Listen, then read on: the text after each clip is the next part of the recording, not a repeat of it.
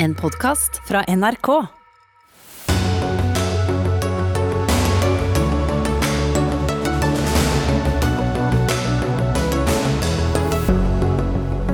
Full forvirring rundt AstraZeneca-vaksinen etter rapporter om dødsfall i Danmark. Norge har satt vaksinen på vent inntil videre. Fortsatt uavklart situasjon rundt datainnbruddet på Stortinget. Programvaregiganten Microsoft hevder Kina står bak. Oslofjorden er tom for torsk. Ny rapport peker på rekefiske med bunntrål som viktig årsak. Det er en svada-rapport, sier Fiskarlaget. Og aldri er det målt lavere fruktbarhet hos norske kvinner enn nå.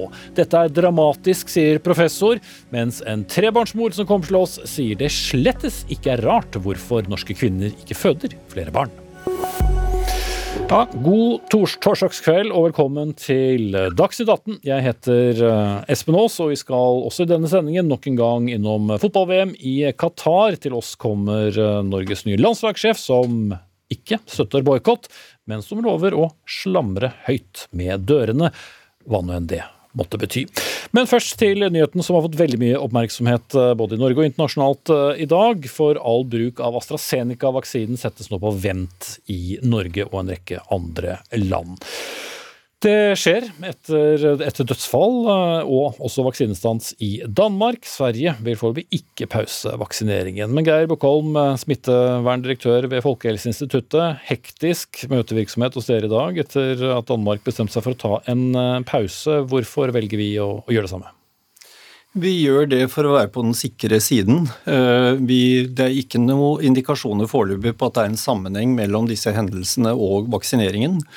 Men vi tenker at det er kommet noen eh, rapporter om tilsvarende hendelser fra andre land, og vi tenker at det er nyttig å gå gjennom dette på en, på en grundig måte før vi tar stilling til om vi går videre med vaksineringen. Mm.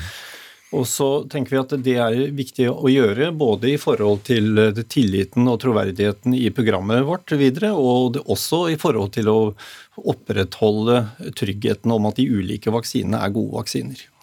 Men bare for å ha brakt det på det rene, er satt mange millioner AstraZeneca-vaksiner, og rapportene er da slik sett veldig få om, om dødsfall eller uh, alvorlige bivirkninger. Dette er veldig sjeldne hendelser. Det er alvorlige hendelser, men det er sjeldne hendelser. Og eh, så langt så har vi ikke noe grunn til å tro at eh, forekomsten av disse hendelsene er høyere enn det som er forventet. Mm. Men vi tenker allikevel at det er viktig å gå gjennom dette på en, på en grundig måte nå. For det sendes jo for mange et signal når man setter en vaksine på, på vent, en, en vaksine som også har vært mer omdiskutert enn andre. Ja, men nettopp derfor så tenker jeg også at det er viktig at vi gjør dette for å, for å gjøre gjennomgangen på en, på en, på en uh, grundig måte. Uh, vi det, kommer til å gjøre dette selv. Uh, det europeiske legemiddelverket vil gjøre også dette, og vi kommer til å ha kontakt med andre land som gjør det samme. Og vi tenker at for å sikre at det nå ikke danner seg en oppfatning om at det er noen vaksiner som har, er belemret med andre eller negative egenskaper, så tenker vi at dette er viktig å få gjort på en god måte. Men, men hva konkret er det dere ser etter? Hva er det dere ser på under denne pausen? Vi ser på hva er forekomsten av ulike hendelser i forbindelse med, med vaksinasjon. Eh, så vil jo Legemiddelverket vurdere de bivirkningene som er meldt inn, eller mulige bivirkninger som er meldt inn. Vi kommer til å ha samarbeid med andre land for å gjøre disse koblingene også registerinformasjon på en grundig måte. Og vi kommer til å ha en god kommunikasjon med, med det europeiske legemiddelverket og høre hvordan de vurderer denne situasjonen. Mm. Ja, eh, Statens legemiddelverk er, er nevnt. Steinar Madsen, der er du medisinsk fagdirektør, og det er jo dere som eh, godkjenner medisiner og og vaksiner. Hva slags bivirkninger er det det er snakk om når det gjelder denne vaksinen? Ja, Vi kan jo ta de vanlige først. og Det er jo dette med feber, uvelfølelse osv. som er ganske kraftig for en del personer for alle de vaksinene vi bruker. Det er ikke så stor forskjell på dem. Det er ufarlig, og det går over. Og så leter vi jo, når vi har legemiddelovervåkning, vi følger med på alle bivirkningsmeldinger, så leter vi jo etter nye og ukjente alvorlige bivirkninger. Og det som har dukket opp her, er noen tilfeller med blodpropp. Noen tilfeller hos yngre personer. Og det tar vi selvfølgelig veldig alvorlig. Mm. Og bivirkninger, eh, eller så alvorlige bivirkninger da hos eh, yngre mennesker, det er nytt. Vi har jo hørt om bivirkninger av vaksinene tidligere, men da har det dreid seg om de aller eldste og svakeste. Ja, dette er litt nytt, og det er derfor vi tar det veldig alvorlig. Vi vil være sikre på at det ikke er noen sammenheng mellom vaksinasjonen og disse hendelsene. Det må vi avklare. Ja, for det er selvpoenget. Det er, det er ikke gitt at det er en sammenheng mellom vaksinene og blodpropp, men det er blodpropp som er forekommet hos personer som har tatt vaksinen. Nettopp. Eh, men denne skepsisen da som eh, umiddelbart dukker opp, hva gjør vi med den? Først og fremst så tror jeg folk skal stole på myndighetene. Vi Folkehelseinstituttet og Legemiddelverket vi samarbeider veldig godt om dette. Vi har hatt møter i dag. Vi har avklart situasjonen. Vi har en plan. Og vi kommer til, ikke til å ta i bruk denne vaksinen før vi har de nødvendige svarene på disse spørsmålene, sammen med Danmark, sammen med Italia, sammen med Det europeiske legemiddelverket. Alle samarbeider om dette. Mm. Men Bukom, nå, vi vet jo det er, om ikke stor, så er det jo alltid en viss form for skepsis mot, eh, mot vaksiner. Hvis nå noen sier eh, nei takk til å ta AstraZeneca-vaksinen når de skal ta vaksinen, kan man velge den? Nei, Med den eh, vaksineleveransesituasjonen vi har nå, så er det ikke anledning til å velge mellom vaksiner. Så, og Nettopp derfor også tenker vi at det er veldig viktig å få gjort denne jobben på en, på en grundig måte, og på en måte som, som skaper tillit i befolkningen. Mm. Men vil du få opplyst at det er den vaksinen du får? Eh, om vi blir opplyst om du Nei, om, om, om, den som blir tilbudt en vaksine, blir opplyst om hvem, hvilken vaksine vedkommende får? Det gjør de. Ja. Og jeg vil ikke ha noe problem med å ta AstraZeneca-vaksinen. Og vel, jeg ligger vel an til å få tilbud om den faktisk når vaksinasjonen settes i gang igjen. For jeg er i den aldersgruppen. Så jeg ville ikke hatt noe betenkeligheter med det per i dag. Mm. Og nå har det vel også i ettermiddag kommet nyheter om at vi får færre AstraZeneca-vaksiner enn enn først planlagt. Men, men, det med at vi nå setter denne på vent, litt på, på ubestemt eh, tid, i hvor stor grad vil dette forsinke vaksineringen i, i Norge? For det første så har vi ikke tenkt å ha denne pausen eh, at den skal vare veldig lenge. Nå sier jo Det europeiske legemiddelbyrået at de kommer til å bruke ca. en uke på å gjøre ferdig sine vurderinger. Og vi håper vel at vi kan være ferdig med våre vurderinger innenfor omtrent samme tidsrom. Så det vil ikke få noen dramatiske effekter i forhold til fremdriften med denne Så det er snakk om et veldig kort tidsrom? Dette. Det er snakk om et kort tidsrom. Ja. Men det er ikke aktuelt å da bruke flere av andre vaksiner i det samme tidsrommet? Vi bruker jo de vaksinene vi har. Mm. Men de som har fått en dose med, med denne, hva, hva, skal de tenke nå? De, blir det en forsinkelse før de får dose to? Eh, for det første så er det jo slik at effekten av en førstedose med AstraZeneca-vaksine er veldig god. Mm. Eh, slik at det på mange måter er å betrakte som en endosevaksine som trenger en booster etter en stund.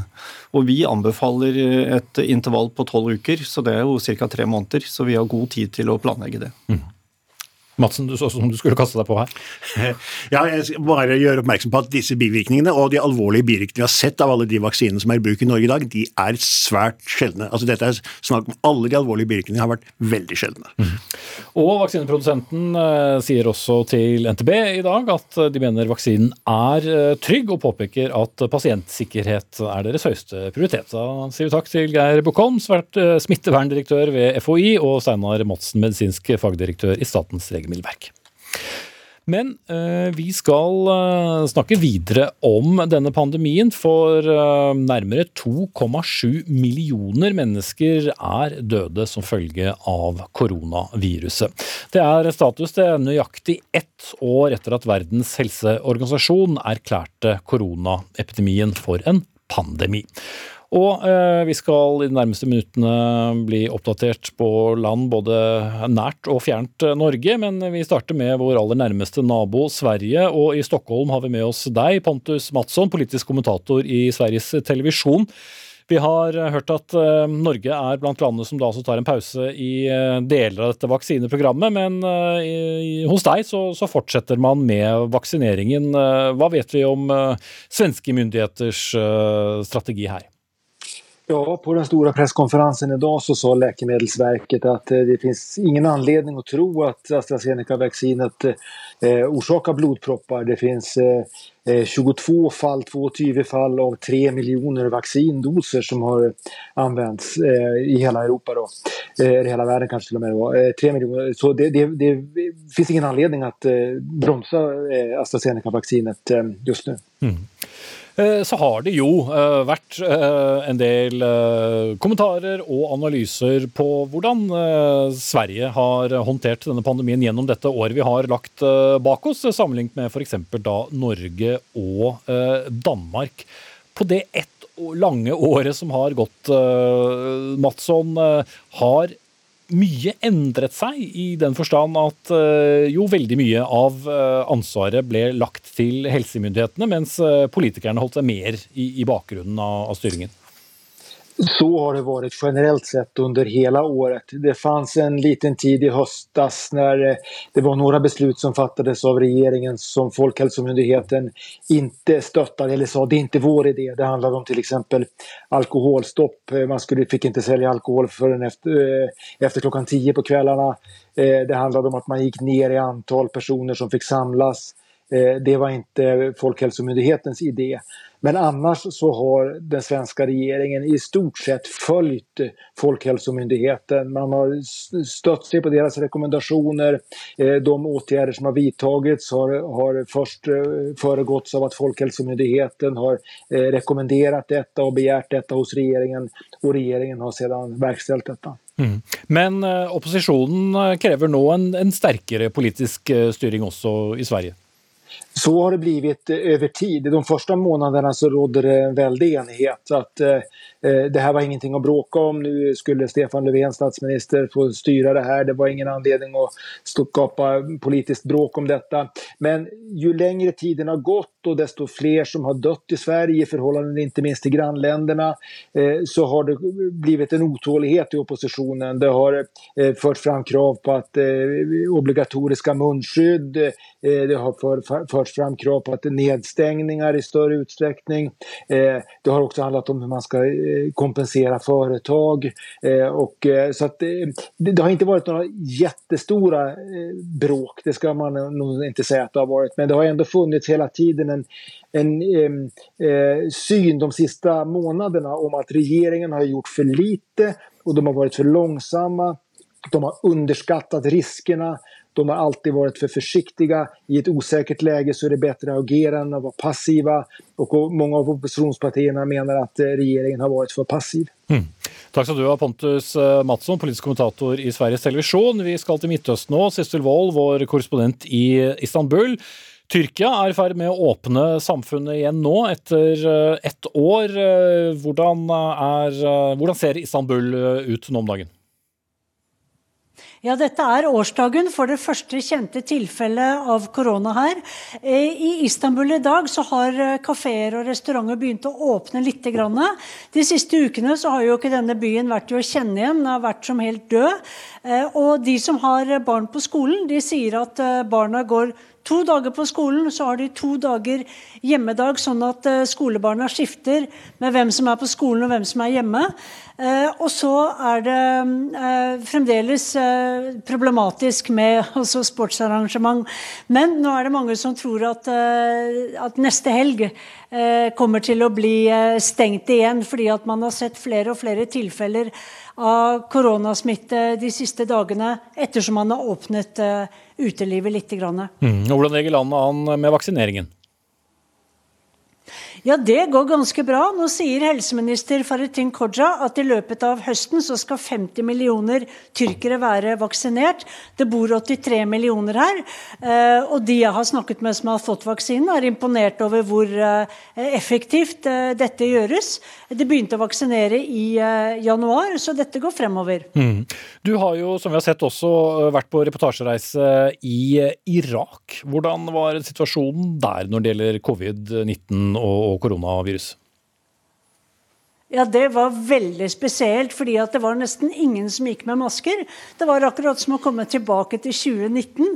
Eh, det var akkurat som folk tenkte at her er det ikke korona, så hvorfor skal vi bry oss om dette?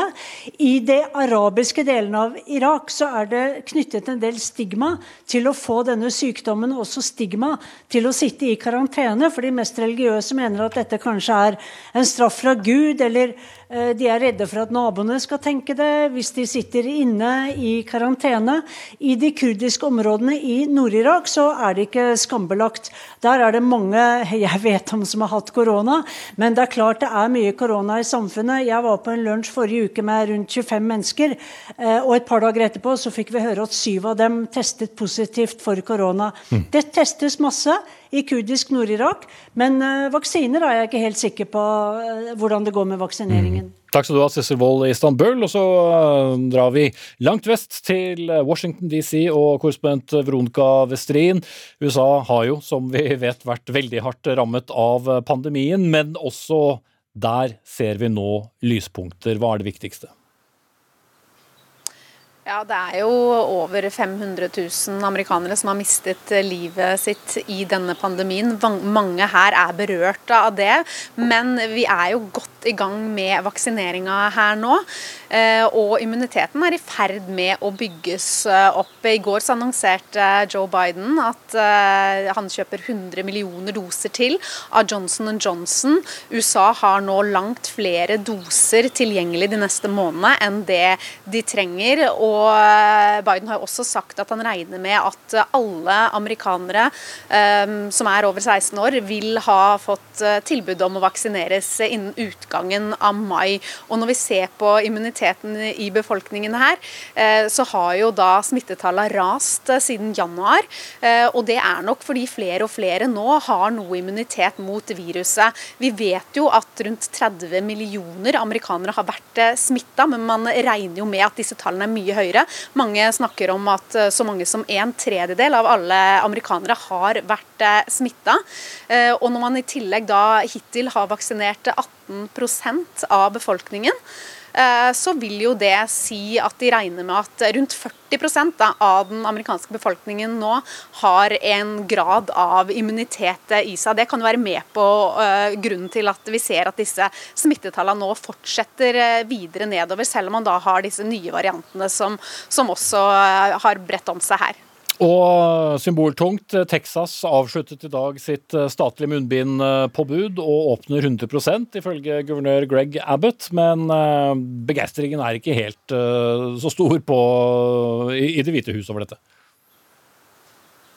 Nei, de har jo vært veldig kritisk til at man velger å gjøre det. Det guvernøren gjør, er jo å oppheve eh, et sånt eh, påbud om munnbindbruk som har vært i delstaten. Men lokale myndigheter kan jo fortsatt eh, gå inn og gjøre det. Også store kjeder som Macy's og Target her har jo sagt at de vil opprettholde det påbudet de har om at man må bære maske når man er inne og handler.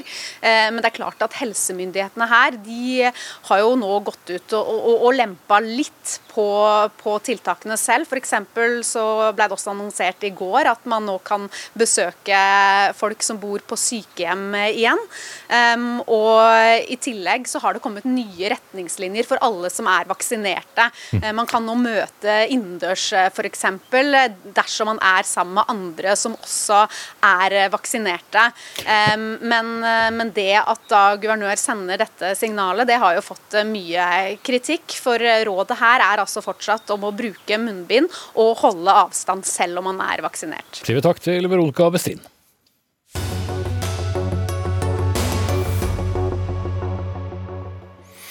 Oslofjorden er nesten tom for torsk, og rapporten Krafttak for kysttorsken er kommet der Havforskningsinstituttet peker på rekefiske med bunntrål som en av Eh, årsakene.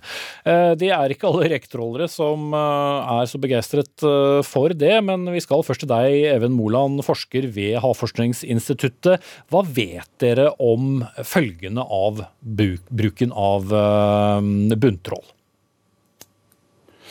Bunntrål gjør jo i hovedsak to ting. Det fanger fisk og skalldyr i i dette, dette, tilfellet reker på bunnen. Men i tillegg så modifiserer det jo havbunnen sterkt og, og, og, endrer eh, bunnfaunaen, altså de dyrene som lever på havbunnen. og uh, Særlig er det de, de oppreiste dyrene. Uh, svamper, uh, mykkoraller, mudderbunnsjøroser og andre dyr som forsvinner. Altså du får et fattigere og hva skal jeg si, et mer hurtig modifisert eh, eh, bunnsamfunn. Mm. Ja, Du har jo sammenlignet eh, havbunnen etter bruk av bunntrål som en nypløyd åker. Ja, Det er mer i utseendet, kanskje. Altså, det ser ut som en nypløyd åker. Det er disse, disse tråldørene de, de lager plogfurer, og så er da trålposen spent ut mellom tråldørene. Men når, når, du får mange nok av disse sporene ved siden av hverandre, så ser det ut som en nypløyd åker. Og, mm. og disse bunndyrene de tar, tar jo lang ja, Unnskyld. Ja, nei, Jeg vil bare komme til torsken. for uh, Hvordan har dette da direkte innvirkning ja. på torskebestanden? Jeg kan jo zoome litt ut. Altså, globalt så rangeres uh, fiskeriene som den aller, aller viktigste påvirkningen eller, eller, driveren av endringer i livet i havet. Og, og av fiskeriene igjen så er bunntråling den mest destruktive, men også en av de mest utbredte. Og Skagerrak i så måte, som Ytre Oslofjord og Oslofjorden er en del av, er et av de mest hardest og mest langvarig trålte havområder i verden. sånn at um, det er egentlig ingen grunn til at, at bunntorsk og annen bunnfisk skulle trives særlig særlig godt i, i dette forvaltningsregimet. Mm. Når du sier at det ikke er noen grunn til, betyr det at man ikke kan finne en helt direkte sammenheng? Er det en antakelse? Ja, altså Torsk og andre bunnfisk de lever jo på havbunnen. Eh, og, det, og de er jo også predatorer på reke. Og når havbunnen blir ofte nok eh, overtrålt, så blir det jo vanskeligere og vanskeligere for bunnfisk å bygge opp bestander og bygge opp alders- og størrelsesstruktur i det, i det, samme havområdet. Og så er Det slik at det, det som er spesielt for Skagerrak og Oslofjorden, er at eh, trålerne har lov til å lande og bifangste bunnfisk. Så det, det, er det eneste havområdet i Norge der, der reketråling også er et bunnfiskfiskeri. Mm. Der man har en oppsamlingspose over, eh, over skilleristen, sånn at man kan ta med seg og lande den fisken som da er over minstemål. Da vil jeg videre til deg, Lennart Danielsen, styreleder av uh, Fiskarlaget Sør. Hva synes du om konklusjonen i rapporten? Ja, skal han si for noe? Jeg syns det er skremmende at Even Moland går ut her og legger skylda på, på, på reketrålerne i Oslofjorden. Men jeg har lyst til å si først, f.eks. i denne Krafttak for kysttorskrapporten, så står jo Fiskarlaget Sør som som med i dette prosjektet. Og vi har overhodet ikke vært med i dette prosjektet. Vi har vært med én gang. Mm. Men, men, men, hvis jeg går konkret, hva, hva, er det du kritiserer med rapporten? Den er svært mangelfull, uh, på en måte. De, han, uh, Moland har på en måte ikke tatt med seg uh, referanseflåten, som på en måte har meldt inn fangst i reketrål i mange, mange år, sikkert 20 år. Det kunne han ha henta ut elegant og sett at ikke reketrålene var et problem for kysttorsken og torsken. Da, hvis dette hadde vært et overfiske, som han presiserer her fram for fiskerne Samme er jo med, med kystvakta. Vi er kontrollert i bauger, i kanter. Det har skjedd én gang at et felt har vært stengt i Oslofjorden pga. for små fisk, og det var hyser. Og Hadde dette vært et problem, og dette har ikke Moland tatt seg bryet til å ta med i denne rapporten en gang, han kunne ha sjekka opp dette og funnet ut at fiskerne er ikke årsaken til dette. Mm. Så, så 100 år med bunntråling i Skagerrak og Oslofjorden har ikke hatt negative konsekvenser for bunnfisk?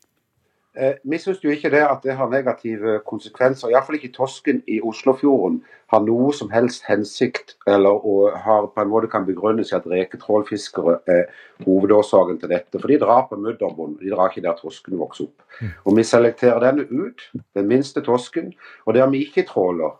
Vi har jo et trålforbud for grunner enn 60 meter. Og, og, De finner heller ikke torsk der oppe, og vi drar jo ikke overalt. Det er veldig små felter som blir dratt på i Oslofjorden. Og jeg har sånn et, eh, sånn, For å sette Moland i et litt sånn lys, så var jeg på et uh, arrangement i Arendalsuka der han presenterte dette her, og strekene hvor alle dro. Og dette, Det så ut som vi dro inn til E6. Han hadde skalert opp hele feltet. Det så ut som det var helt vilt. Så spurte han etterpå. Det var ikke veldig nyansert. Nei, det var ikke tanken heller, sier han. Okay. Og Da lurer jeg på agendaen i dette. For vi, vi, føler at det er så store mangler i denne rapporten, og, og at næringa ikke har vært med. Og Det opplever vi i alle andre ting. For redskapsfortid så er næringa med, forvaltninga er med. Alle har mulighet til å uttale seg. Og at det kommer, Han har så dårlig dokumentasjon på det han kommer. Men vi har da lagd et brev som vi sendte Havforskningsinstituttet. Ok, vi, vi, vi, skal ta og prøve å rydde opp litt sånn punkt og punkt her, eh, Dan Nilsen. Uh, Moland, først på, på, på hovedkritikken om, uh, om, om, om, funnene og innholdet her, og, og, og hva dere har sett på. Ja, jeg jeg vil først og fremst si at Det har aldri vært Havforskningsinstituttets stil å, å, vifte med pekefingeren til fiskerne. Altså, vi ser på fiskerne som nøytrale aktører innenfor gjeldende regler og lovverk. Og vår jobb er å bidra med kunnskap som gjør at det også i framtiden kan finnes både fisk og fiskere. Og Oppdraget i dette prosjektet var todelt. Færder og Ytre Hvaler nasjonalparker ønsket svar på hvorfor torsk og andre bunnfisk ser ut til å være svekket i dette området. Og så ønsket de en vurdering på hva som eventuelt skal til for å gjenoppbygge disse bestandene av bunnfisk. Og da, da peker rapporten på en mange mange ulike årsaker til at fjorden er påvirket og at eh, si, miljøforholdene har blitt svekket i Oslofjorden. Men akkurat når det gjelder gjenoppbygging av bunnfisk, så anser vi det som svært usannsynlig at du kan gjenoppbygge bunnfisk i et område der du, der du nokså eh, ofte eh, overtråler bunnen. Og, og, det at det bare er små områder som er utsatt for bunntråling, det, det er ikke riktig. Nå, nå har ikke nå har jo ikke fartøyene under 15 meter påbud om såkalt VMS, eh, sporing, så, så, så, det er vanskelig å vite akkurat hvor de, de minste fartøyene Hva, hva? Men med den, ja, Det er altså en sånn sporingsenhet som fartøy over 15 meter er, eh, er, forpliktet til å ha på. og Det gjør at man kan bygge opp datasett der man ser hvor trålerne tråler og hvor, hvor de har sine trålspor. Men, men, dette finnes altså ikke, for det er ikke, i, det er ikke innført for fartøy under 15 meter, som er den vanligste mm. fartøytypen i, i, i Oslofjorden. Men i uh, søsterprosjektet Frisk Oslofjord så uh, fotograferte vi bunnen med sonar med en sånn uh, undervannsrobot fra Kongsberg Maritime, Hugin. Og da fikk vi jo disse bildene av havbunnen hvor, hvor vi så at det både er gamle og nye og, og, veldig, og veldig, tydelige spor etter høyfrekvent trålaktivitet. Og, så du avviser kritikken fra, sier, fra, Danielsen om at ikke dere har beviser for, for konklusjonen i rapporten? Vi har nok belegg for å komme med en påstand om at eh, eh, restaurering av bunnfisk vil, er sannsynligvis svært vanskelig det gjeldende, under det gjeldende regimet. Mm. Så, så, så, ser vi også på avrenning fra eh, landbruket, kommunal kloakk, formørkning av kystvannet, som gjør at eh, tang og tare trekker dypere, nei, unnskyld, trekker grunnere opp i, i Ok, så, så, flere årsaker. Tiden går litt fort her, men Danielsen, du skal få komme til igjen. Kan jeg komme med en kommentar? Ja. Eh, det som er litt sånn oppi dette, så sitter det en forsker på nabokontoret til herr Moland som peker på helt andre ting. Og Han sier det totalt motsatte. At fiskeriet har ingen innvirkning på dette. Her er det andre ting som er årsaken. Og Det er jo en forvaltningsplan i Oslofjorden som nå skal under utvikling. Og Her påpeker den andre forskeren at her har det andre ting. Og det har fiskerne òg merka. At det er blitt mindre fisk i Oslofjorden. Vannet er blitt brunt. Det er lite gjennomstrømning. Og så påstår Moland at nærme Øresund bro er det så veldig godt fiskeri. Men der er det 35 meter, og der foregår det ikke tråling overhodet. Men der er det veldig god vanngjennomstrømning. Så vi, vi, på en måte er veldig syns det er veldig synd at Moland går ut på dette viset. på en måte. Vi føler han har agenda mot fiskeri, og ikke tatt med seg vi har f.eks. oppe på Tromsøflaket Jeg har ikke tid til flere eksempler fra andre steder. Veldig kort til slutt, eh, Moland. Eh, svare på påstanden om eh, agenda her. Ja, det, det, er veldig viktig at og min kollegas forskning som, som, peker på en økt sårbarhet ved temperaturøkning og en, og, en, og en, nedsatt overlevelse for ung torsk, det er veldig viktig å ta med seg. For det gjør at fisken er enda mer sårbar inn, inn, inn i en varm fremtid. Så, så, det er viktige elementer å ha med seg her. Og, og jeg, Vi har ingen annen agenda. Vår jobb er å bidra med kunnskap og råd for rene og rike kyst- og havområder inn i evigheten. og det, det, er det vi driver med. Det er det vi er forpliktet til å gjøre. Mm. Så fikk eh, en noe lunken eh, mottakelse her fra Fiskarlaget Sør, representert ved Lennart Danielsen. Takk eh, til deg, og til Even Moland ved Havforskningsinstituttet.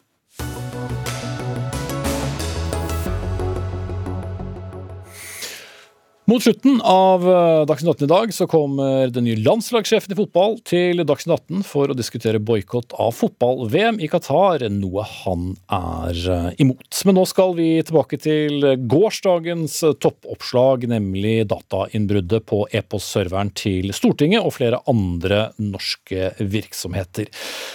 Nyheten kom uh, om uh, et IT-angrep, og Microsoft, som produserer denne e-postserveren, uh, eller programvaren, da, har gått ut og pekt på at kinesiske krefter kan stå bak. Og Martin Gundersen, journalist her i NRK, NRK Beta. Hva er det Microsoft bygger denne påstanden på? Ja, De har et stort team som jobber med dette, og det de sier at de ser hvilke mål de angriper, de ser hvilke teknikker de bruker, og så ser de på liksom, den metoden de har i bakkant, hvordan jobber denne organisasjonen, og alt det. fordi de ser at Det peker på en kinesisk aktør som er eh, tilknyttet til kinesiske myndigheter. Mm tilknytning, altså ikke rent uh, kinesiske myndigheter, men, men, men nær tilknytning? Ja, de vil gjerne aldri si én til én, men så leser man i linjene at, uh, at det er da uh, kinesiske myndigheter som har interesse av disse målene. Mm. Vi får jo bare si da at vi har vært i kontakt med Kinas ambassade til eh, Norge i dag. I en e-post til oss så skriver de at eh, landet, altså Kina, selv er eh, et av de største ofrene for datainnbrudd, og håper mediene opptrer profesjonelt i denne saken og understreker viktigheten av konkrete bevis og ikke komme med grunnløse beskyldninger. Så er det også sagt. Men Martin Gundersen, vi ser Flere kommuner, selskaper rundt omkring i landet har eh, da hatt den samme sårbarheten på, på sine eh, servere som, eh, som, Stortinget hadde. Hvor omfattende er dette? Nei, altså I Norge snakker man at det er rundt 1500 eller mer virksomheter som har hatt denne sårbarheten, og som måtte sjøl gjøre noe for å bli sikre. Og så De siste tallene at det er flere hundre virksomheter i dag som ennå ikke har gjort de eh, sikkerhetsoppdateringene. Og Det som er skummelt, er jo at eh, det er ofte store mørketall. Man vet gjerne ikke eh, at eh, de rammer, de vet gjerne ikke det sjøl, for det er for seint. Nå vet vi bare tre-fire eksempler offentlig, og det vil sikkert komme flere på sikt. Mm. Hvor stor er sannsynligheten for at vi finner ut den som står bak? da? Det virker nå som det er flere som har funnet denne sårbarheten. sånn at eh, etter hvert så vil man sannsynligvis se flere og flere mindre sofistikerte aktører eh, som gjerne gjør dette for løsepenger, og de bryter seg inn for så å stenge ned alle datamaskiner som de har et gissel. Mm og så kreve penger for å, for å åpne igjen. Eh, til slutt, eh, som vi diskuterte med deg litt tidligere i dag, altså tidslinjen her er jo også litt eh, interessant. For det ble jo trykket på, på, alarmen eh, da for ikke så mange dager siden fra, fra Microsoft eh, offentlig, men samtidig så virker det jo som om de har hatt mistanke dette, til dette over ganske lang tid. Ja, man snakker om at det er tilbake til januar at man så de første tegnene på at noen bruker disse sårbarhetene.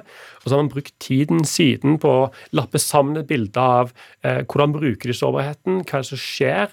og Derfor har man venta nå til eh, helt mars før man går offentlig ut. og Det gjør man fordi man ønsker å eh, ha trykk eh, og virkelig vite hva man gjør, så man ikke tråkker feil. Mm. Og så er det et poeng at Microsoft er spesielt utsatt, rett og slett fordi at eh, det er mest brukte programvaren i, i, i hele verden. Takk skal du ha, Martin Gundersen. Eh, vi skal ikke gi oss eh, helt med den saken, for dagen eh, før IT-angrepet ble kjent, så banket Stortinget inn det som heter regjeringens samfunnssikkerhetsmelding.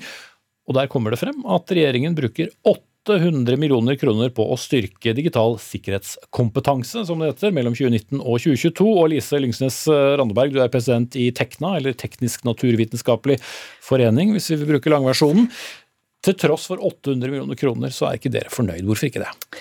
Nei, fordi vi, eh, vi har jo Vi, tok, vi tenkte yes, det her er fantastisk. 800 millioner til IT-sikkerhet. Og så tenkte vi vi må vite mer. Vi tok da kontakt med departementet. Og så spurte vi kan dere fortelle oss mhm, hvordan, ja. Ja, hvordan har dere brukt pengene. Og så får vi til svar at nei, det er litt generell forskning på IT her, og så er det litt et program der. Og så viser det seg at det er egentlig ganske sånn kreativ bokføring. Så pengene har gått til IT og IT-forskning, men ikke til spissa IKT-sikkerhet. Mm. Og dette er jo ikke tida for å være laidback på akkurat det. Mm. Og, men, men, hvordan bruker man 800 eh, millioner på spisset IT-sikkerhet? Hva skulle de gjort? Det handler jo om å heve kompetansen til dem som allerede er i jobb. Eh, kompetanse forvitrer fort, sånn at den må fylles på kontinuerlig. Der er det nesten uendelig behov. Eh, og så trenger vi å utdanne nye, og det tar tid. Og vi trenger spissa kompetanse, og vi trenger høy kompetanse. Og så trenger vi også forskning på dette området i Norge, sånn at vi er sjølforsynt med den typen kompetanse. Mm. Men eh, dette er jo myndighetene. Bør ikke store selskaper selv ha den kompetansen? Jo, du kan si at du lærer mye på jobben, men uh, samtidig så har vi et utdanningssystem av en grunn. Uh, og det, det, er viktig at også det offentlige tar ansvar. Dette handler jo også om nasjonal sikkerhet. Og da må jo på en måte båndplanken være på plass. Og selvfølgelig er det positivt med alt virksomhetene gjør sjøl. Men eh, tenk f.eks. på de små og mellomstore bedriftene. De blir jo ekstremt sårbare. Og det er ikke sikkert at de med en IT-avdeling på to personer har råd til å sende dem på, på et kurs som koster en formue. Mm. Vi har, som uh, bruker formulering som vi bruker ofte i Dagsnatten, vi har vært i kontakt med Justisdepartementet og invitert dem. De kunne ikke stille. Men uh, Kjetil Kjenseth, stortingsrepresentant fra Venstre. Dere er jo et regjeringsparti. Bruker eh, regjeringen pengene riktig her? Vi bruker mye penger. Vi bruker pengene også riktig. Vi har etablert Vi bruker jo mye penger på et nytt cybersenter på, på bl.a. Gjøvik, der jeg kommer ifra. På en cyber range der eh, næringslivet kan komme og trene. Vi har økt kapasiteten i utdanningssystemet, nesten dobla den fra 2013. Eh, så pengene brukes eh, riktig, men Så kritikken fra Randeberg, den, den, tror du ikke noe på? Vi kan alltids diskutere å putte på mer penger og skape økt kapasitet. Når det gjelder dataangrepet mot Stortinget, så, er jo det en litt annen diskusjon om vi har Eh, systemer som er godt nok eh, rigga for, for, at Stortinget i Norge ikke skal bli hacka ned to-tre ganger i året. Eh, og Det går an å, å forberede seg på, på, det uten å skulle bruke en milliard kroner. Det handler om å ha kanskje flere systemer. Vi har jo avlyttingssikre rom i Stortinget, men vi har ikke et mobbesikkert IT-nett. Så det, det handler, er en litt annen debatt. Mm, men du sier jo egentlig implisitt at vi ikke forebygger nok, da? Det er store krefter her. og det er klart At, eh, at land eh, med 1,5 milliarder mennesker uh, og setter på sine ressurser på, på, på, hacking som kanskje er like, like stor som det norske statsapparatet, så blir vi beita for ressurser. Men det, det, er også en debatt om en bare skal legge seg i, i, i henda til de store internasjonale globale leverandørene, sånn som Microsoft her. da. Eh, som en eh, slavisk benytter eh, som e-postserver, f.eks. Mm. Så sagt at vi bør tenkt... vurdere å ha tro. Ja, så man burde hatt, uh, altså lent seg på, på, på, flere selskaper. Det er litt to forskjellige historier vi diskuterer her, egentlig, Randeberg, men du kan jo kommentere svaret fra Venstre her. Jo, altså det er klart at uh, man har gjort mye, og det er bra. Men behovet er så uendelig mye større. Og så er det jo sånn at uh, teknologi og systemer, som det snakkes om her, det beskytter deg på en måte mot det du er forberedt på. Eh, de rette folkene og den rette kompetansen, det beskytter deg mot det du ikke er forberedt på. Mm. Og nå går jo ting, Det er mye robusthet i gode folk, og nå går jo ting fortere og fortere. Vi trenger de beste for å ta de verste. Mm. Men, men, når det er et uh, gapende sikkerhetshull i programvaren til en gigant som, som, Microsoft, så kan du vel utdanne herfra til evigheten uten at det nødvendigvis uh, ville forhindret et, uh, et innbrudd? Men samtidig så trenger du da de gode folka på jobb for å håndtere konsekvensene, for å minimere skaden og for å reparere i ettertid. Mm. Uten det så kan det gå mye, mye verre. Men eh, Kjenseth, når det gjelder da det du er inne på om at uh, man lener seg for mye på for få selskaper, uh, tar da Venstre initiativ til å, å, stille spørsmål ved om f.eks. Stortinget og for så vidt da regjeringen sprer seg på for få? Ja, det er jo en debatt vi, vi, reiser, og det er en debatt vi stadig vekk har hatt i de diskusjonene om eh, nasjonal sikkerhet i de senere årene. Eh, men det her er jo også en litt sånn systemdebatt knytta til om politiet er veldig på å skaffe seg ressurser til innsyn og IP-adresser og få tilgang når det er eh, kriminalitet som, som de mistenker. Mens vi i Norge må nok reise en litt større debatt om personvernet og, og, systemer. For vi ser jo også nå en rekke kommuner som er rett og slett blitt hacka ned. Eh, og at vi sånn, sånn systemisk ikke har tatt datasikkerhet nok på alvor.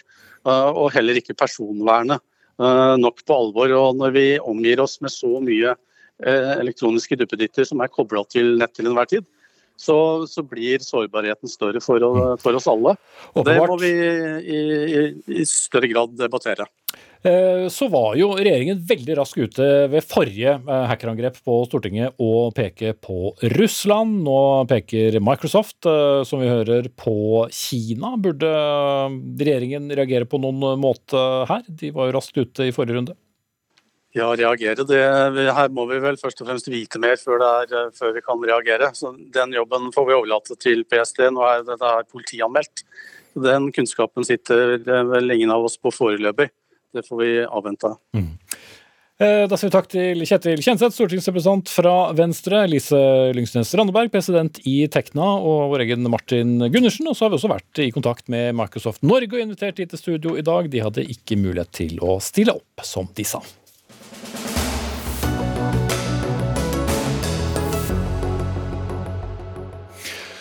Fruktbarheten blant eh, norske kvinner har aldri vært lavere. Det viser tall fra Statistisk sentralbyrå som ble sluppet eh, i morges i fjor. I 2020 så ble det født 1500 færre barn enn året før. Og Hvis vi samler disse fruktbarhetstallene, så føder nå norske kvinner i snitt 1,48 barn. Og inn føder jo, føder jo halve barn, selvfølgelig, men altså dette er da et, eh, et snitt, og det laveste som vi har målt. Anne Eskil, professor ved Institutt for klinisk klinisk medisin ved Universitetet i uh, Oslo.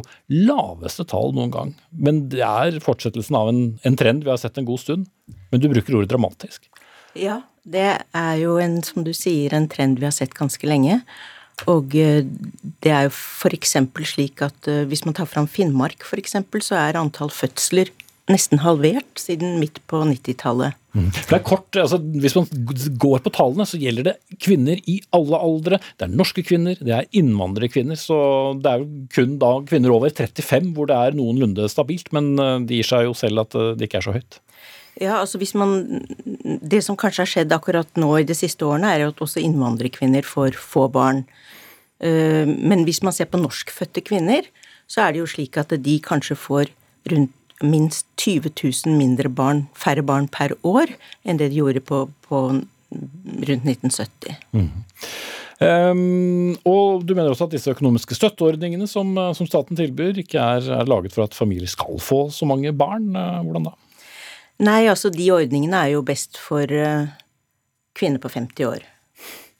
Som ikke føder så mange barn av åpenbare grunner? Nei, de er på en måte Eh, på kollisjonskurs med biologien, for det, det er slik at dess mer du tjener, dess mer penger får du når du får barn. Og det er jo på en måte i strid med biologien, men det er jo også på en måte i strid med velferdsordningens intensjon, hvor man behandler familier og barn ulikt. Så noen får en engangsstøtte, som heldigvis er blitt bedre nå, på 90 000, men andre kan jo få over en million i foreldrepenger. Og det er jo forskjellsbehandling av barn. Og bidrar jo også til at eh, kvinner får barn når de er i lønnsarbeid. Mm. Og senere og senere. Og, ja, ikke sant. Og, og når man får øh, barn senere og senere, så blir færre barn født. Eller hver kvinne får færre barn, så det er nok en medvirkende årsak. Så det som også skjer, da, det er at det er nesten ingen kvinner som får tre, fire, fem barn lenger. Det er, av 45-åringer så er det rundt 7 Eh, mens det nå er over 30 eh, av 45-årige kvinner som har null eller ett barn, og da går jo ikke dette regnestykket opp, da blir det gjennomsnitt eh, rundt 1,4 eller 1,48 som det nå var. Guro Angel Gimse, du er leder av Høyres kvinneforum og stortingsrepresentant for samme parti. Dramatiske tall, sier professoren, og ting går jo i stikk motsatt retning av din egen statsministers oppfordring i en berømt etter hvert nyttårstale om å få flere barn? Ja, og i den eh, nyttårstalen så tror jeg hun ble eh, tolka litt i verste mening av mange som mente at hun skulle ta kontroll over kvinners livmor og litt forskjellig, og det var jo ikke det. Nei da, men vi kan jo se de rene tallene. Altså, dette er jo 2020-tall, så det er jo tall som er relativt ferske. Og med en uh, ny perspektivmelding som kom for kort uh, tid siden, så er jo dette dramatisk, som professoren sier. Er du enig i det? Ja, og det er jo derfor statsministeren gikk ut og sa det hun sa. Hun gjentok det i forbindelse med framlegget av perspektivmeldingen som viser det at eh, per pensjonist så blir det stadig færre som skal betale for eh, velferden vår. Så det er eh, en jobb å gjøre, og det er en trend som mm. vi må spørre oss om vi kan snu. Mm. Ja, for hvis det ikke lønner seg å få barn, altså ta, som professoren poengterer, og som en til snart skal få poengtere, så er jo ikke akkurat det noe godt incitament til å få flere barn. Jo da, eh, jeg syns det er veldig mye gode innspill som eh, kommer fra professoren her på hvordan man kan tenke for å få flere barn. Samtidig så har vi jo veldig gode ordninger, men de er knytta til lønnsinntekt. Eh, vi har jo som, som hun var inne på her Det hjelper deg ikke hvis du er i midten av 20-årene? Og er student. Altså, nei, eh, også det er jo klart at Hvis vi skal få flere yngre til å få barn, så må vi se på ordningene. Hvordan kan vi sørge for at det blir eh, mer praktisk eh, og ikke, Jeg kan ikke bruke ordet lønnsomt, men at det blir mer økonomisk trygt da, å få barn når man er ung. Det må vi absolutt se på. Og Samtidig så tror jeg også at vi har et stort holdningsarbeid å gjøre opp imot det å få barn både tidlig og det å få flere barn. Mm. Og Én ting er jo kvinner, men eh, de lager jo ikke barn alene. og Det er vel ikke så fryktelig lønnsomt heller for, for menn? Og, altså, ville flere menn i ung alder hatt eh, flere barn, så kan vel hende det også hadde hjulpet. Men det virker jo å være ganske gjengs eh, hos begge kjønn. Ja, Det er veldig viktig at det er to om saken. Og det, at, så det, det, å få flere barn er jo et likestillings, en likestillingsutfordring også. Men det med holdninger som jeg var litt inne på å begynne å snakke om i sted, det tror jeg har mye å si. Den som har oppsøkt arbeidsgiver kanskje for tredje og fjerde gang eh, med beskjeden om at jeg er gravid, den har nok kjent på det at det er litt vanskelig, og man føler at man er til belastning for eh, arbeidsgivere. Så her tror jeg man har en jobb å gjøre med holdninger. Jeg leste eh, forsida Men holdninger altså, ja. handler ikke først og fremst om, om ren økonomi? At jo tidligere du får barn, jo mindre lønner det seg, og jo flere barn du får, jo mindre lønner det seg. Også for Signe Hovland Askim, du er trebarnsmor og har skrevet en kronikk på NRK ytring at det er ikke noe hokus pokus hvorfor norske kvinner ikke får flere barn enn de gjør, for dette har du selv uh, funnet ut uh, på den harde måten. Ja, ja, jeg mener jo det åpenbart handler om tid og penger, og er større enn bare støtteordningene. For det er sånn at vi som er i etableringsfasen, vi er ikke nødvendigvis høytlønnede. Eh, og vi trenger jobber. Vi søker oss til steder hvor det finnes jobber. Det er ofte i de store byene. Der er boligprisene veldig høye. Vi må ha et sted å bo. Jo flere barn, jo større bolig trenger man kanskje. Og da er det enda vanskeligere å få seg et sted å bo. Eh, I tillegg så koster jo barn i løpende utgifter. Det koster for SFO, det koster for barnehage, det koster for aktiviteter, det koster for Alt koster. Eh, det vet også banken. Så når jeg går til banken med mine tre barn eh, og vil ha lån, så får jeg låne flere hundre tusen mindre enn jeg ville fått hvis jeg hadde hatt to barn. Sånn at eh, Jo flere barn jeg får, jo større bolig trenger jeg, men jo mindre lån får jeg. Og Sånn er det med mange ting, eh, får man i hvert fall inntrykk av når man har eh, flere barn. Da. Og Det tror jeg også er en av grunnene til at folk venter med å få barn. For de ønsker denne økonomiske rammen på plass først. For de vet at det kommer til å bli en utfordring, sånn mm. som det er for mange. Ja.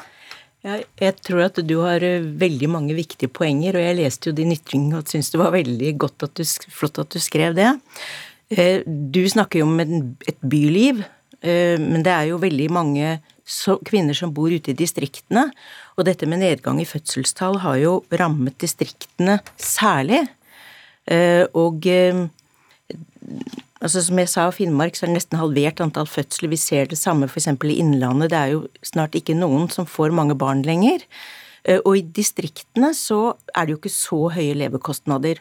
Og der kunne man kanskje tenkt seg at noen kvinner ville tenke seg å få flere barn hvis det ikke var slik at det var så nært knyttet opp mot lønnsarbeid. Kanskje kunne man tenke seg at det å ha fire barn og ta hånd om dem et, bør betraktet som et eget arbeid i seg selv, uten at man tapte voldsomt i inntekt mhm. med det. Og I politikken skal alt være mulig, Gimse. Og når vi har en så lang rekke med tall år etter år på lavere fødselskull, så hvorfor gjør man ikke noe dramatisk? Ja, Vi har veldig gode ordninger i dag, men, de, men eh, det er jo klart at eh, vridninga mot at det kanskje ikke er så knytta opp imot lønn, det er jo interessant. Samtidig så blir jeg jo litt redd for at vi skal sende kvinner tilbake igjen til kjøkkenbenken. Det ønsker vi jo heller ikke, så det er ganske sånn sammensatt og komplisert eh, det her også. Men eh, at vi må gjøre noe, det, det, er det ingen tvil om. Og det som ble fortalt oss her om banker, det ble jeg litt engasjert i når jeg hørte det. Og der eh, vil jeg jo gi en eh, oppfordring til til finansnæringa og kanskje også til Finanstilsynet om det er sånn at man skal vurdere risikoen for mislighold av lån opp imot antall barn. Mm. Det syns jeg ikke høres ut som, som, du som låntaker har høyere utgifter ved å ha tre barn eh, enn en, en, en å ha to. Men Askim, du må virkelig ville det, da, hvis du skal ha flere enn i hvert fall to barn, og velge tre barn som du har gjort, eller, eller enda mer, og, og være villig til å ta den kostnaden. Ja, det går jo på bekostning av noe annet. da. Eh, og så handler det også mye om tid, tror jeg, for mange. At man gjerne vil ha tid til å faktisk følge opp de barna man eh, har fått. Eh, og man, jeg tror de fleste må jobbe uansett om man bor eh, på, i byen eller på landet. Eh, og da er det sånn at det er ikke så mye tid, og kjøret går, og det er fritidsaktiviteter og middager, og det er ikke så mye tid. Det sier seg selv, jo flere barn du har, jo mindre tid blir det på hvert barn, og mindre tid til deg selv, som jeg tror også er viktig for mange, da. Mm. Så når man får mange barn, så gir man jo opp eh, både tid og penger, på en måte, så man må ville det. Ja, mm. absolutt. For mange våkenetter, da. Eskil, helt til slutt. Eh, en, du har heller ikke noen quick fix, men hvis du skal gi en oppfordring til de som bestemmer? Nei, jeg tror at eh, man må kunne verdsette reproduktivt arbeid likt med annen type arbeid. Og denne holdningen med at man sender kvinner tilbake til kjøkkenbenken, det er jo på en måte et tegn på at man ser på reproduksjonsarbeid som eh, et annenklasses arbeid, men i virkeligheten så er jo reproduksjonsarbeid det vi alle er helt avhengige av. Det er det viktigste arbeidet egentlig som foregår i samfunnet. Og de som ønsker å få mange barn, de kan ikke komme i en situasjon hvor man taper voldsomt økonomisk på det. Mm. Vi har i hvert fall satt en eh, bunnrekord. Så kommer det nye tall om eh, et år. Takk til Anne Eskil, professor ved Institutt for klinisk medisin ved Universitetet i Oslo, Guro Angel Gimse, stortingsrepresentant fra Høyre, og med oss på linje Signe Hovland Askim, som er trebarnsmor og har merket hvordan det er.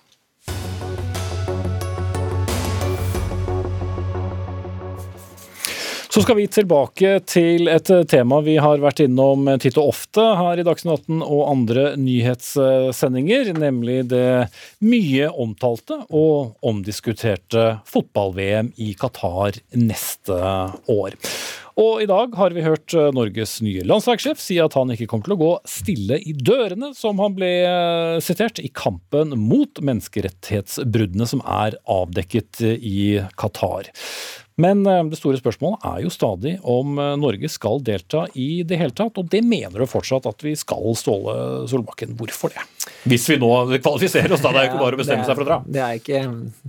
Det er vel ikke helt automatikk, automatikk, i det. Det er vel ikke det. Nei, jeg mener det fordi at eh, jeg tror fortsatt at, at det å jeg har tro på menneskeheten. Jeg har tro på at, eh, at eh, selv, om det, selv, om det, gjør vondt, og selv om vi står i noe som er veldig vanskelig, så har jeg tro på at vi skal samles på den idrettsarenaen uten våpen rundt omkring i verden.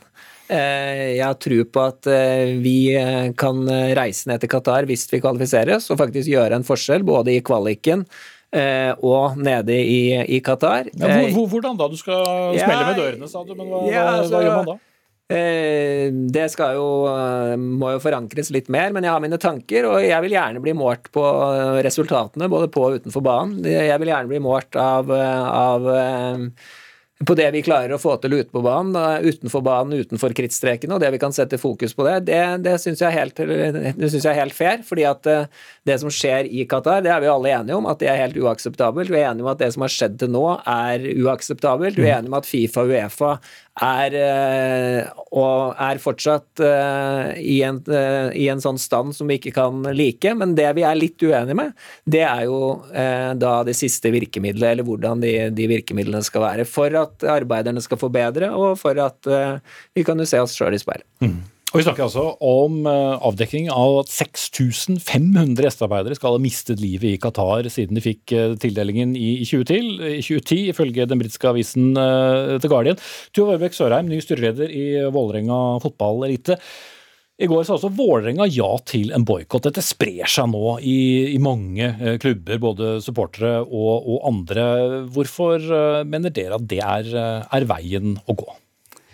Nei, det er virkelig et grasrotopprør på gang i, i Fotball-Norge. Og som Ståle Solbakken sier her, så er vi jo vi er jo enige i sak, og jeg tror jeg er enig med Ståle Solbakken om nesten alt i hele verden, jeg. Men eh, ikke akkurat om middelet eh, for å, å, bekjempe dette eh, regimet i Qatar. For sånn jeg ser det, så tar liksom Qatar tar noe av det fineste vi har. Det er fotballen, idrettsgleden, samholdet, integreringen. Alt det som liksom er de, de verdiene Vålerenga fotball står for, og, og Norges Fotballforbund står for. Så tar de den fotballen, så bruker de den til å renvaske et uh, regime som bare har et bruk-og-kast-forhold til mennesker. Og det syns vi er såpass vanskelig å akseptere. Og vi vet at Fotballforbundet har forsøkt med dialoglinjen i ti år, for det er faktisk ti år siden de fikk uh, VM det har ikke ledet til store endringer i Qatar. Mm. Så du har ikke noe tro på at dørsmellingen, uh, hvis vi kvalifiserer oss, heller gjør noen uh, særlig uh, altså, jeg, jeg, har nok mer tro på Ståle Solbakken enn jeg har på Fotballforbundet akkurat nå. Han virker mer offensiv enn sin arbeidsgiver, det må jeg si. Og han sier jo at om en crazy trener, om en verdensstjerne, så kan vi oppnå ting. Og jeg er jo da spent på hva det kan være. Og jeg ser jo også sant, den makten som ligger i fotball. Og tenk det, Haaland, hvilken superstjerne han er nå jeg ser at man altså Ståle Solbakken her, han rår over litt andre midler, da. Så jeg er spent på hva han kommer opp med. Men eh, det vi har tenkt på som det mest effektive nå, er boikott. For at norsk fotball skal ta et tydelig standpunkt her. Og jeg tenker også det er en gyllen anledning for Norges Fotballforbund å liksom synliggjøre verdigrunnlaget eh, som ligger til grunn for den foreningen. Mm. Eh, Solbakken, det er jo litt av et grasrotopprør. Det sprer seg nesten daglig, hører vi om, om nye som eh, sier at vi, vi bør heller eh, boikotte. Blir litt sånn bekymret for uh, at vi får en uh, litt sånn vond spagat innad i norsk fotball, hvor det er et stort skille mellom grasrot og de på toppen? Det tror jeg faktisk er noe av, uh, som ligger bak det grasrotopprøret. At, at det er for stor Eh, avstand mellom For Det er ikke noen tillitserklæring til Fotballforbundet? dette? Nei, det kan du godt si, men jeg, jeg tror da òg at, eh, som jeg har sagt før, at, at Fotballforbundet har vært enda flinkere. For de har faktisk gjort en del. Det har faktisk skjedd noen forbedringer. Eh, og de tallene du nevner der, det er ofte det nå som er hovedargumentet i det hele. Og det, og det føler jeg at det blir en liten avsporing av diskusjon, for der er det så mange som har så mange forskjellige sannheter om akkurat det tallet. Så det må ikke bli en Altså, det er veldig viktig at en så alvorlig diskusjon, en så alvorlig eh, hva skal vi si, avgjørelse som skal tas, at vi har alle de riktige facts på bordet, så det ikke blir en slags avsporing. Mm. Men av det er sagt, så tror jeg at det grasrotoppgjøret, eh, eller kall det opprøret, oppgjøret eller opprøret, er òg en eh, At det ligger noe latent bak ikke, Det er mye Qatar, men det er nok òg litt en frustrasjon over at over litt den arrogansen Fifa og Uefa har kjørt over veldig lang mm. Og som er totalt uakseptabelt. Men hovedargumentet mitt er skal vi ta de pampene, skal vi ta de rampene, eller hva det er, så, så må vi være inne der. Vi må tørre å være hardere i kommunikasjon, vi må, prøve, mm. vi må være breiere i kommunikasjon. Det vil si at de alliansepartnerne våre må bli flere, må bli tyngre, men vi må stå i det. Eh, Vålerenga, fantastisk eh, eh, eh, mot rasisme over lang, lang tid, men det har tatt tid. Det har tatt tid. Kulturforandringer tar okay. tid. Eh, Sørheim, samtidig skal være litt eh, kyniske, da. Eh, fotballnasjonen Norge er vel ikke nødvendigvis det alle tenker på. Om vi skulle velge å, å boikotte, ville noen hevet øyenbryn? Altså jeg tenker at I et demokrati så er enhver stemme viktig. Jeg synes at Det er liksom en resignasjon å tenke nei, vi er så små så det spiller ingen rolle. Selvsagt spiller det en rolle. Og bare dette grasrotopprøret, som ennå ikke er blitt eh, kommet til fotballtinget engang, uh, har jo vekt oppsikt. sånn at uh, Der Spiegel omtalte The Independent det vil vekke oppsikt i verden om Norge inntar dette standpunktet. Og jeg tenker også at det vil være et veldig tydelig signal til Uefa og Fifa om fremtidige tildelinger. Vi kan ikke ha det slik at det blir så gigantiske arrangementer at det bare er diktaturer som har råd til å arrangere dem. Eh, det er et veldig viktig signal som jeg mener at Norsk Fotballforbund må sende. Er Solbakken feig? Om han er feig? Jeg opplever han som veldig offensiv. Jeg er mer bekymret for arbeidsgiveren hans. Mm. Har du fått noen uh, tilbakemeldinger fra arbeidsgiveren din på tonen? Nei, altså vi er eh, Vi har sikkert forskjellige måter å kommunisere på, men eh, det er jo viktig å si at innad i NFF så, så er det stor takhøyde. Jeg, og jeg syns at NFF har faktisk gjort ganske mye i den saken her, og, det, og, og vi må vi må legge til grunn at de rapportene da, som kommer fra, fra Amnesty, fra, fra det internasjonale LO etc., at det er Det går for sakte, ja, Det blir ikke gjort nok, men det, det har blitt gjort noe. Og så er det en ting til. Ja, Det tror jeg ikke vi rekker. Vi Ok. har Ti sekunder, Sara, for jeg må runde av sendingen. jeg bare skal si at Ja, det har kommet endringer i lovene, men uh, arbeiderne i Qatar er, har fremdeles ikke lov til å organisere seg. Så da kan du ha det på eh, lov, men du står helt alene overfor arbeidsgiver. Du har ikke noe makt. Da sier jeg at vi går inn i det, og så hjelper vi, å går vi inn i det, og så fighter vi mot de der, Så og så klarer vi det. Det klarer vi. Det klarer vi. Ok, og så bryter jeg inn og sier at sendingen er over. Ansvarlig for sendingen, Dag Dørum, Eli Kyrkjebø tok seg av det tekniske. Jeg heter Espen Aas, og jammen tror jeg vi kvalifiserer oss til nok en Dagsnytt 18 i morgen.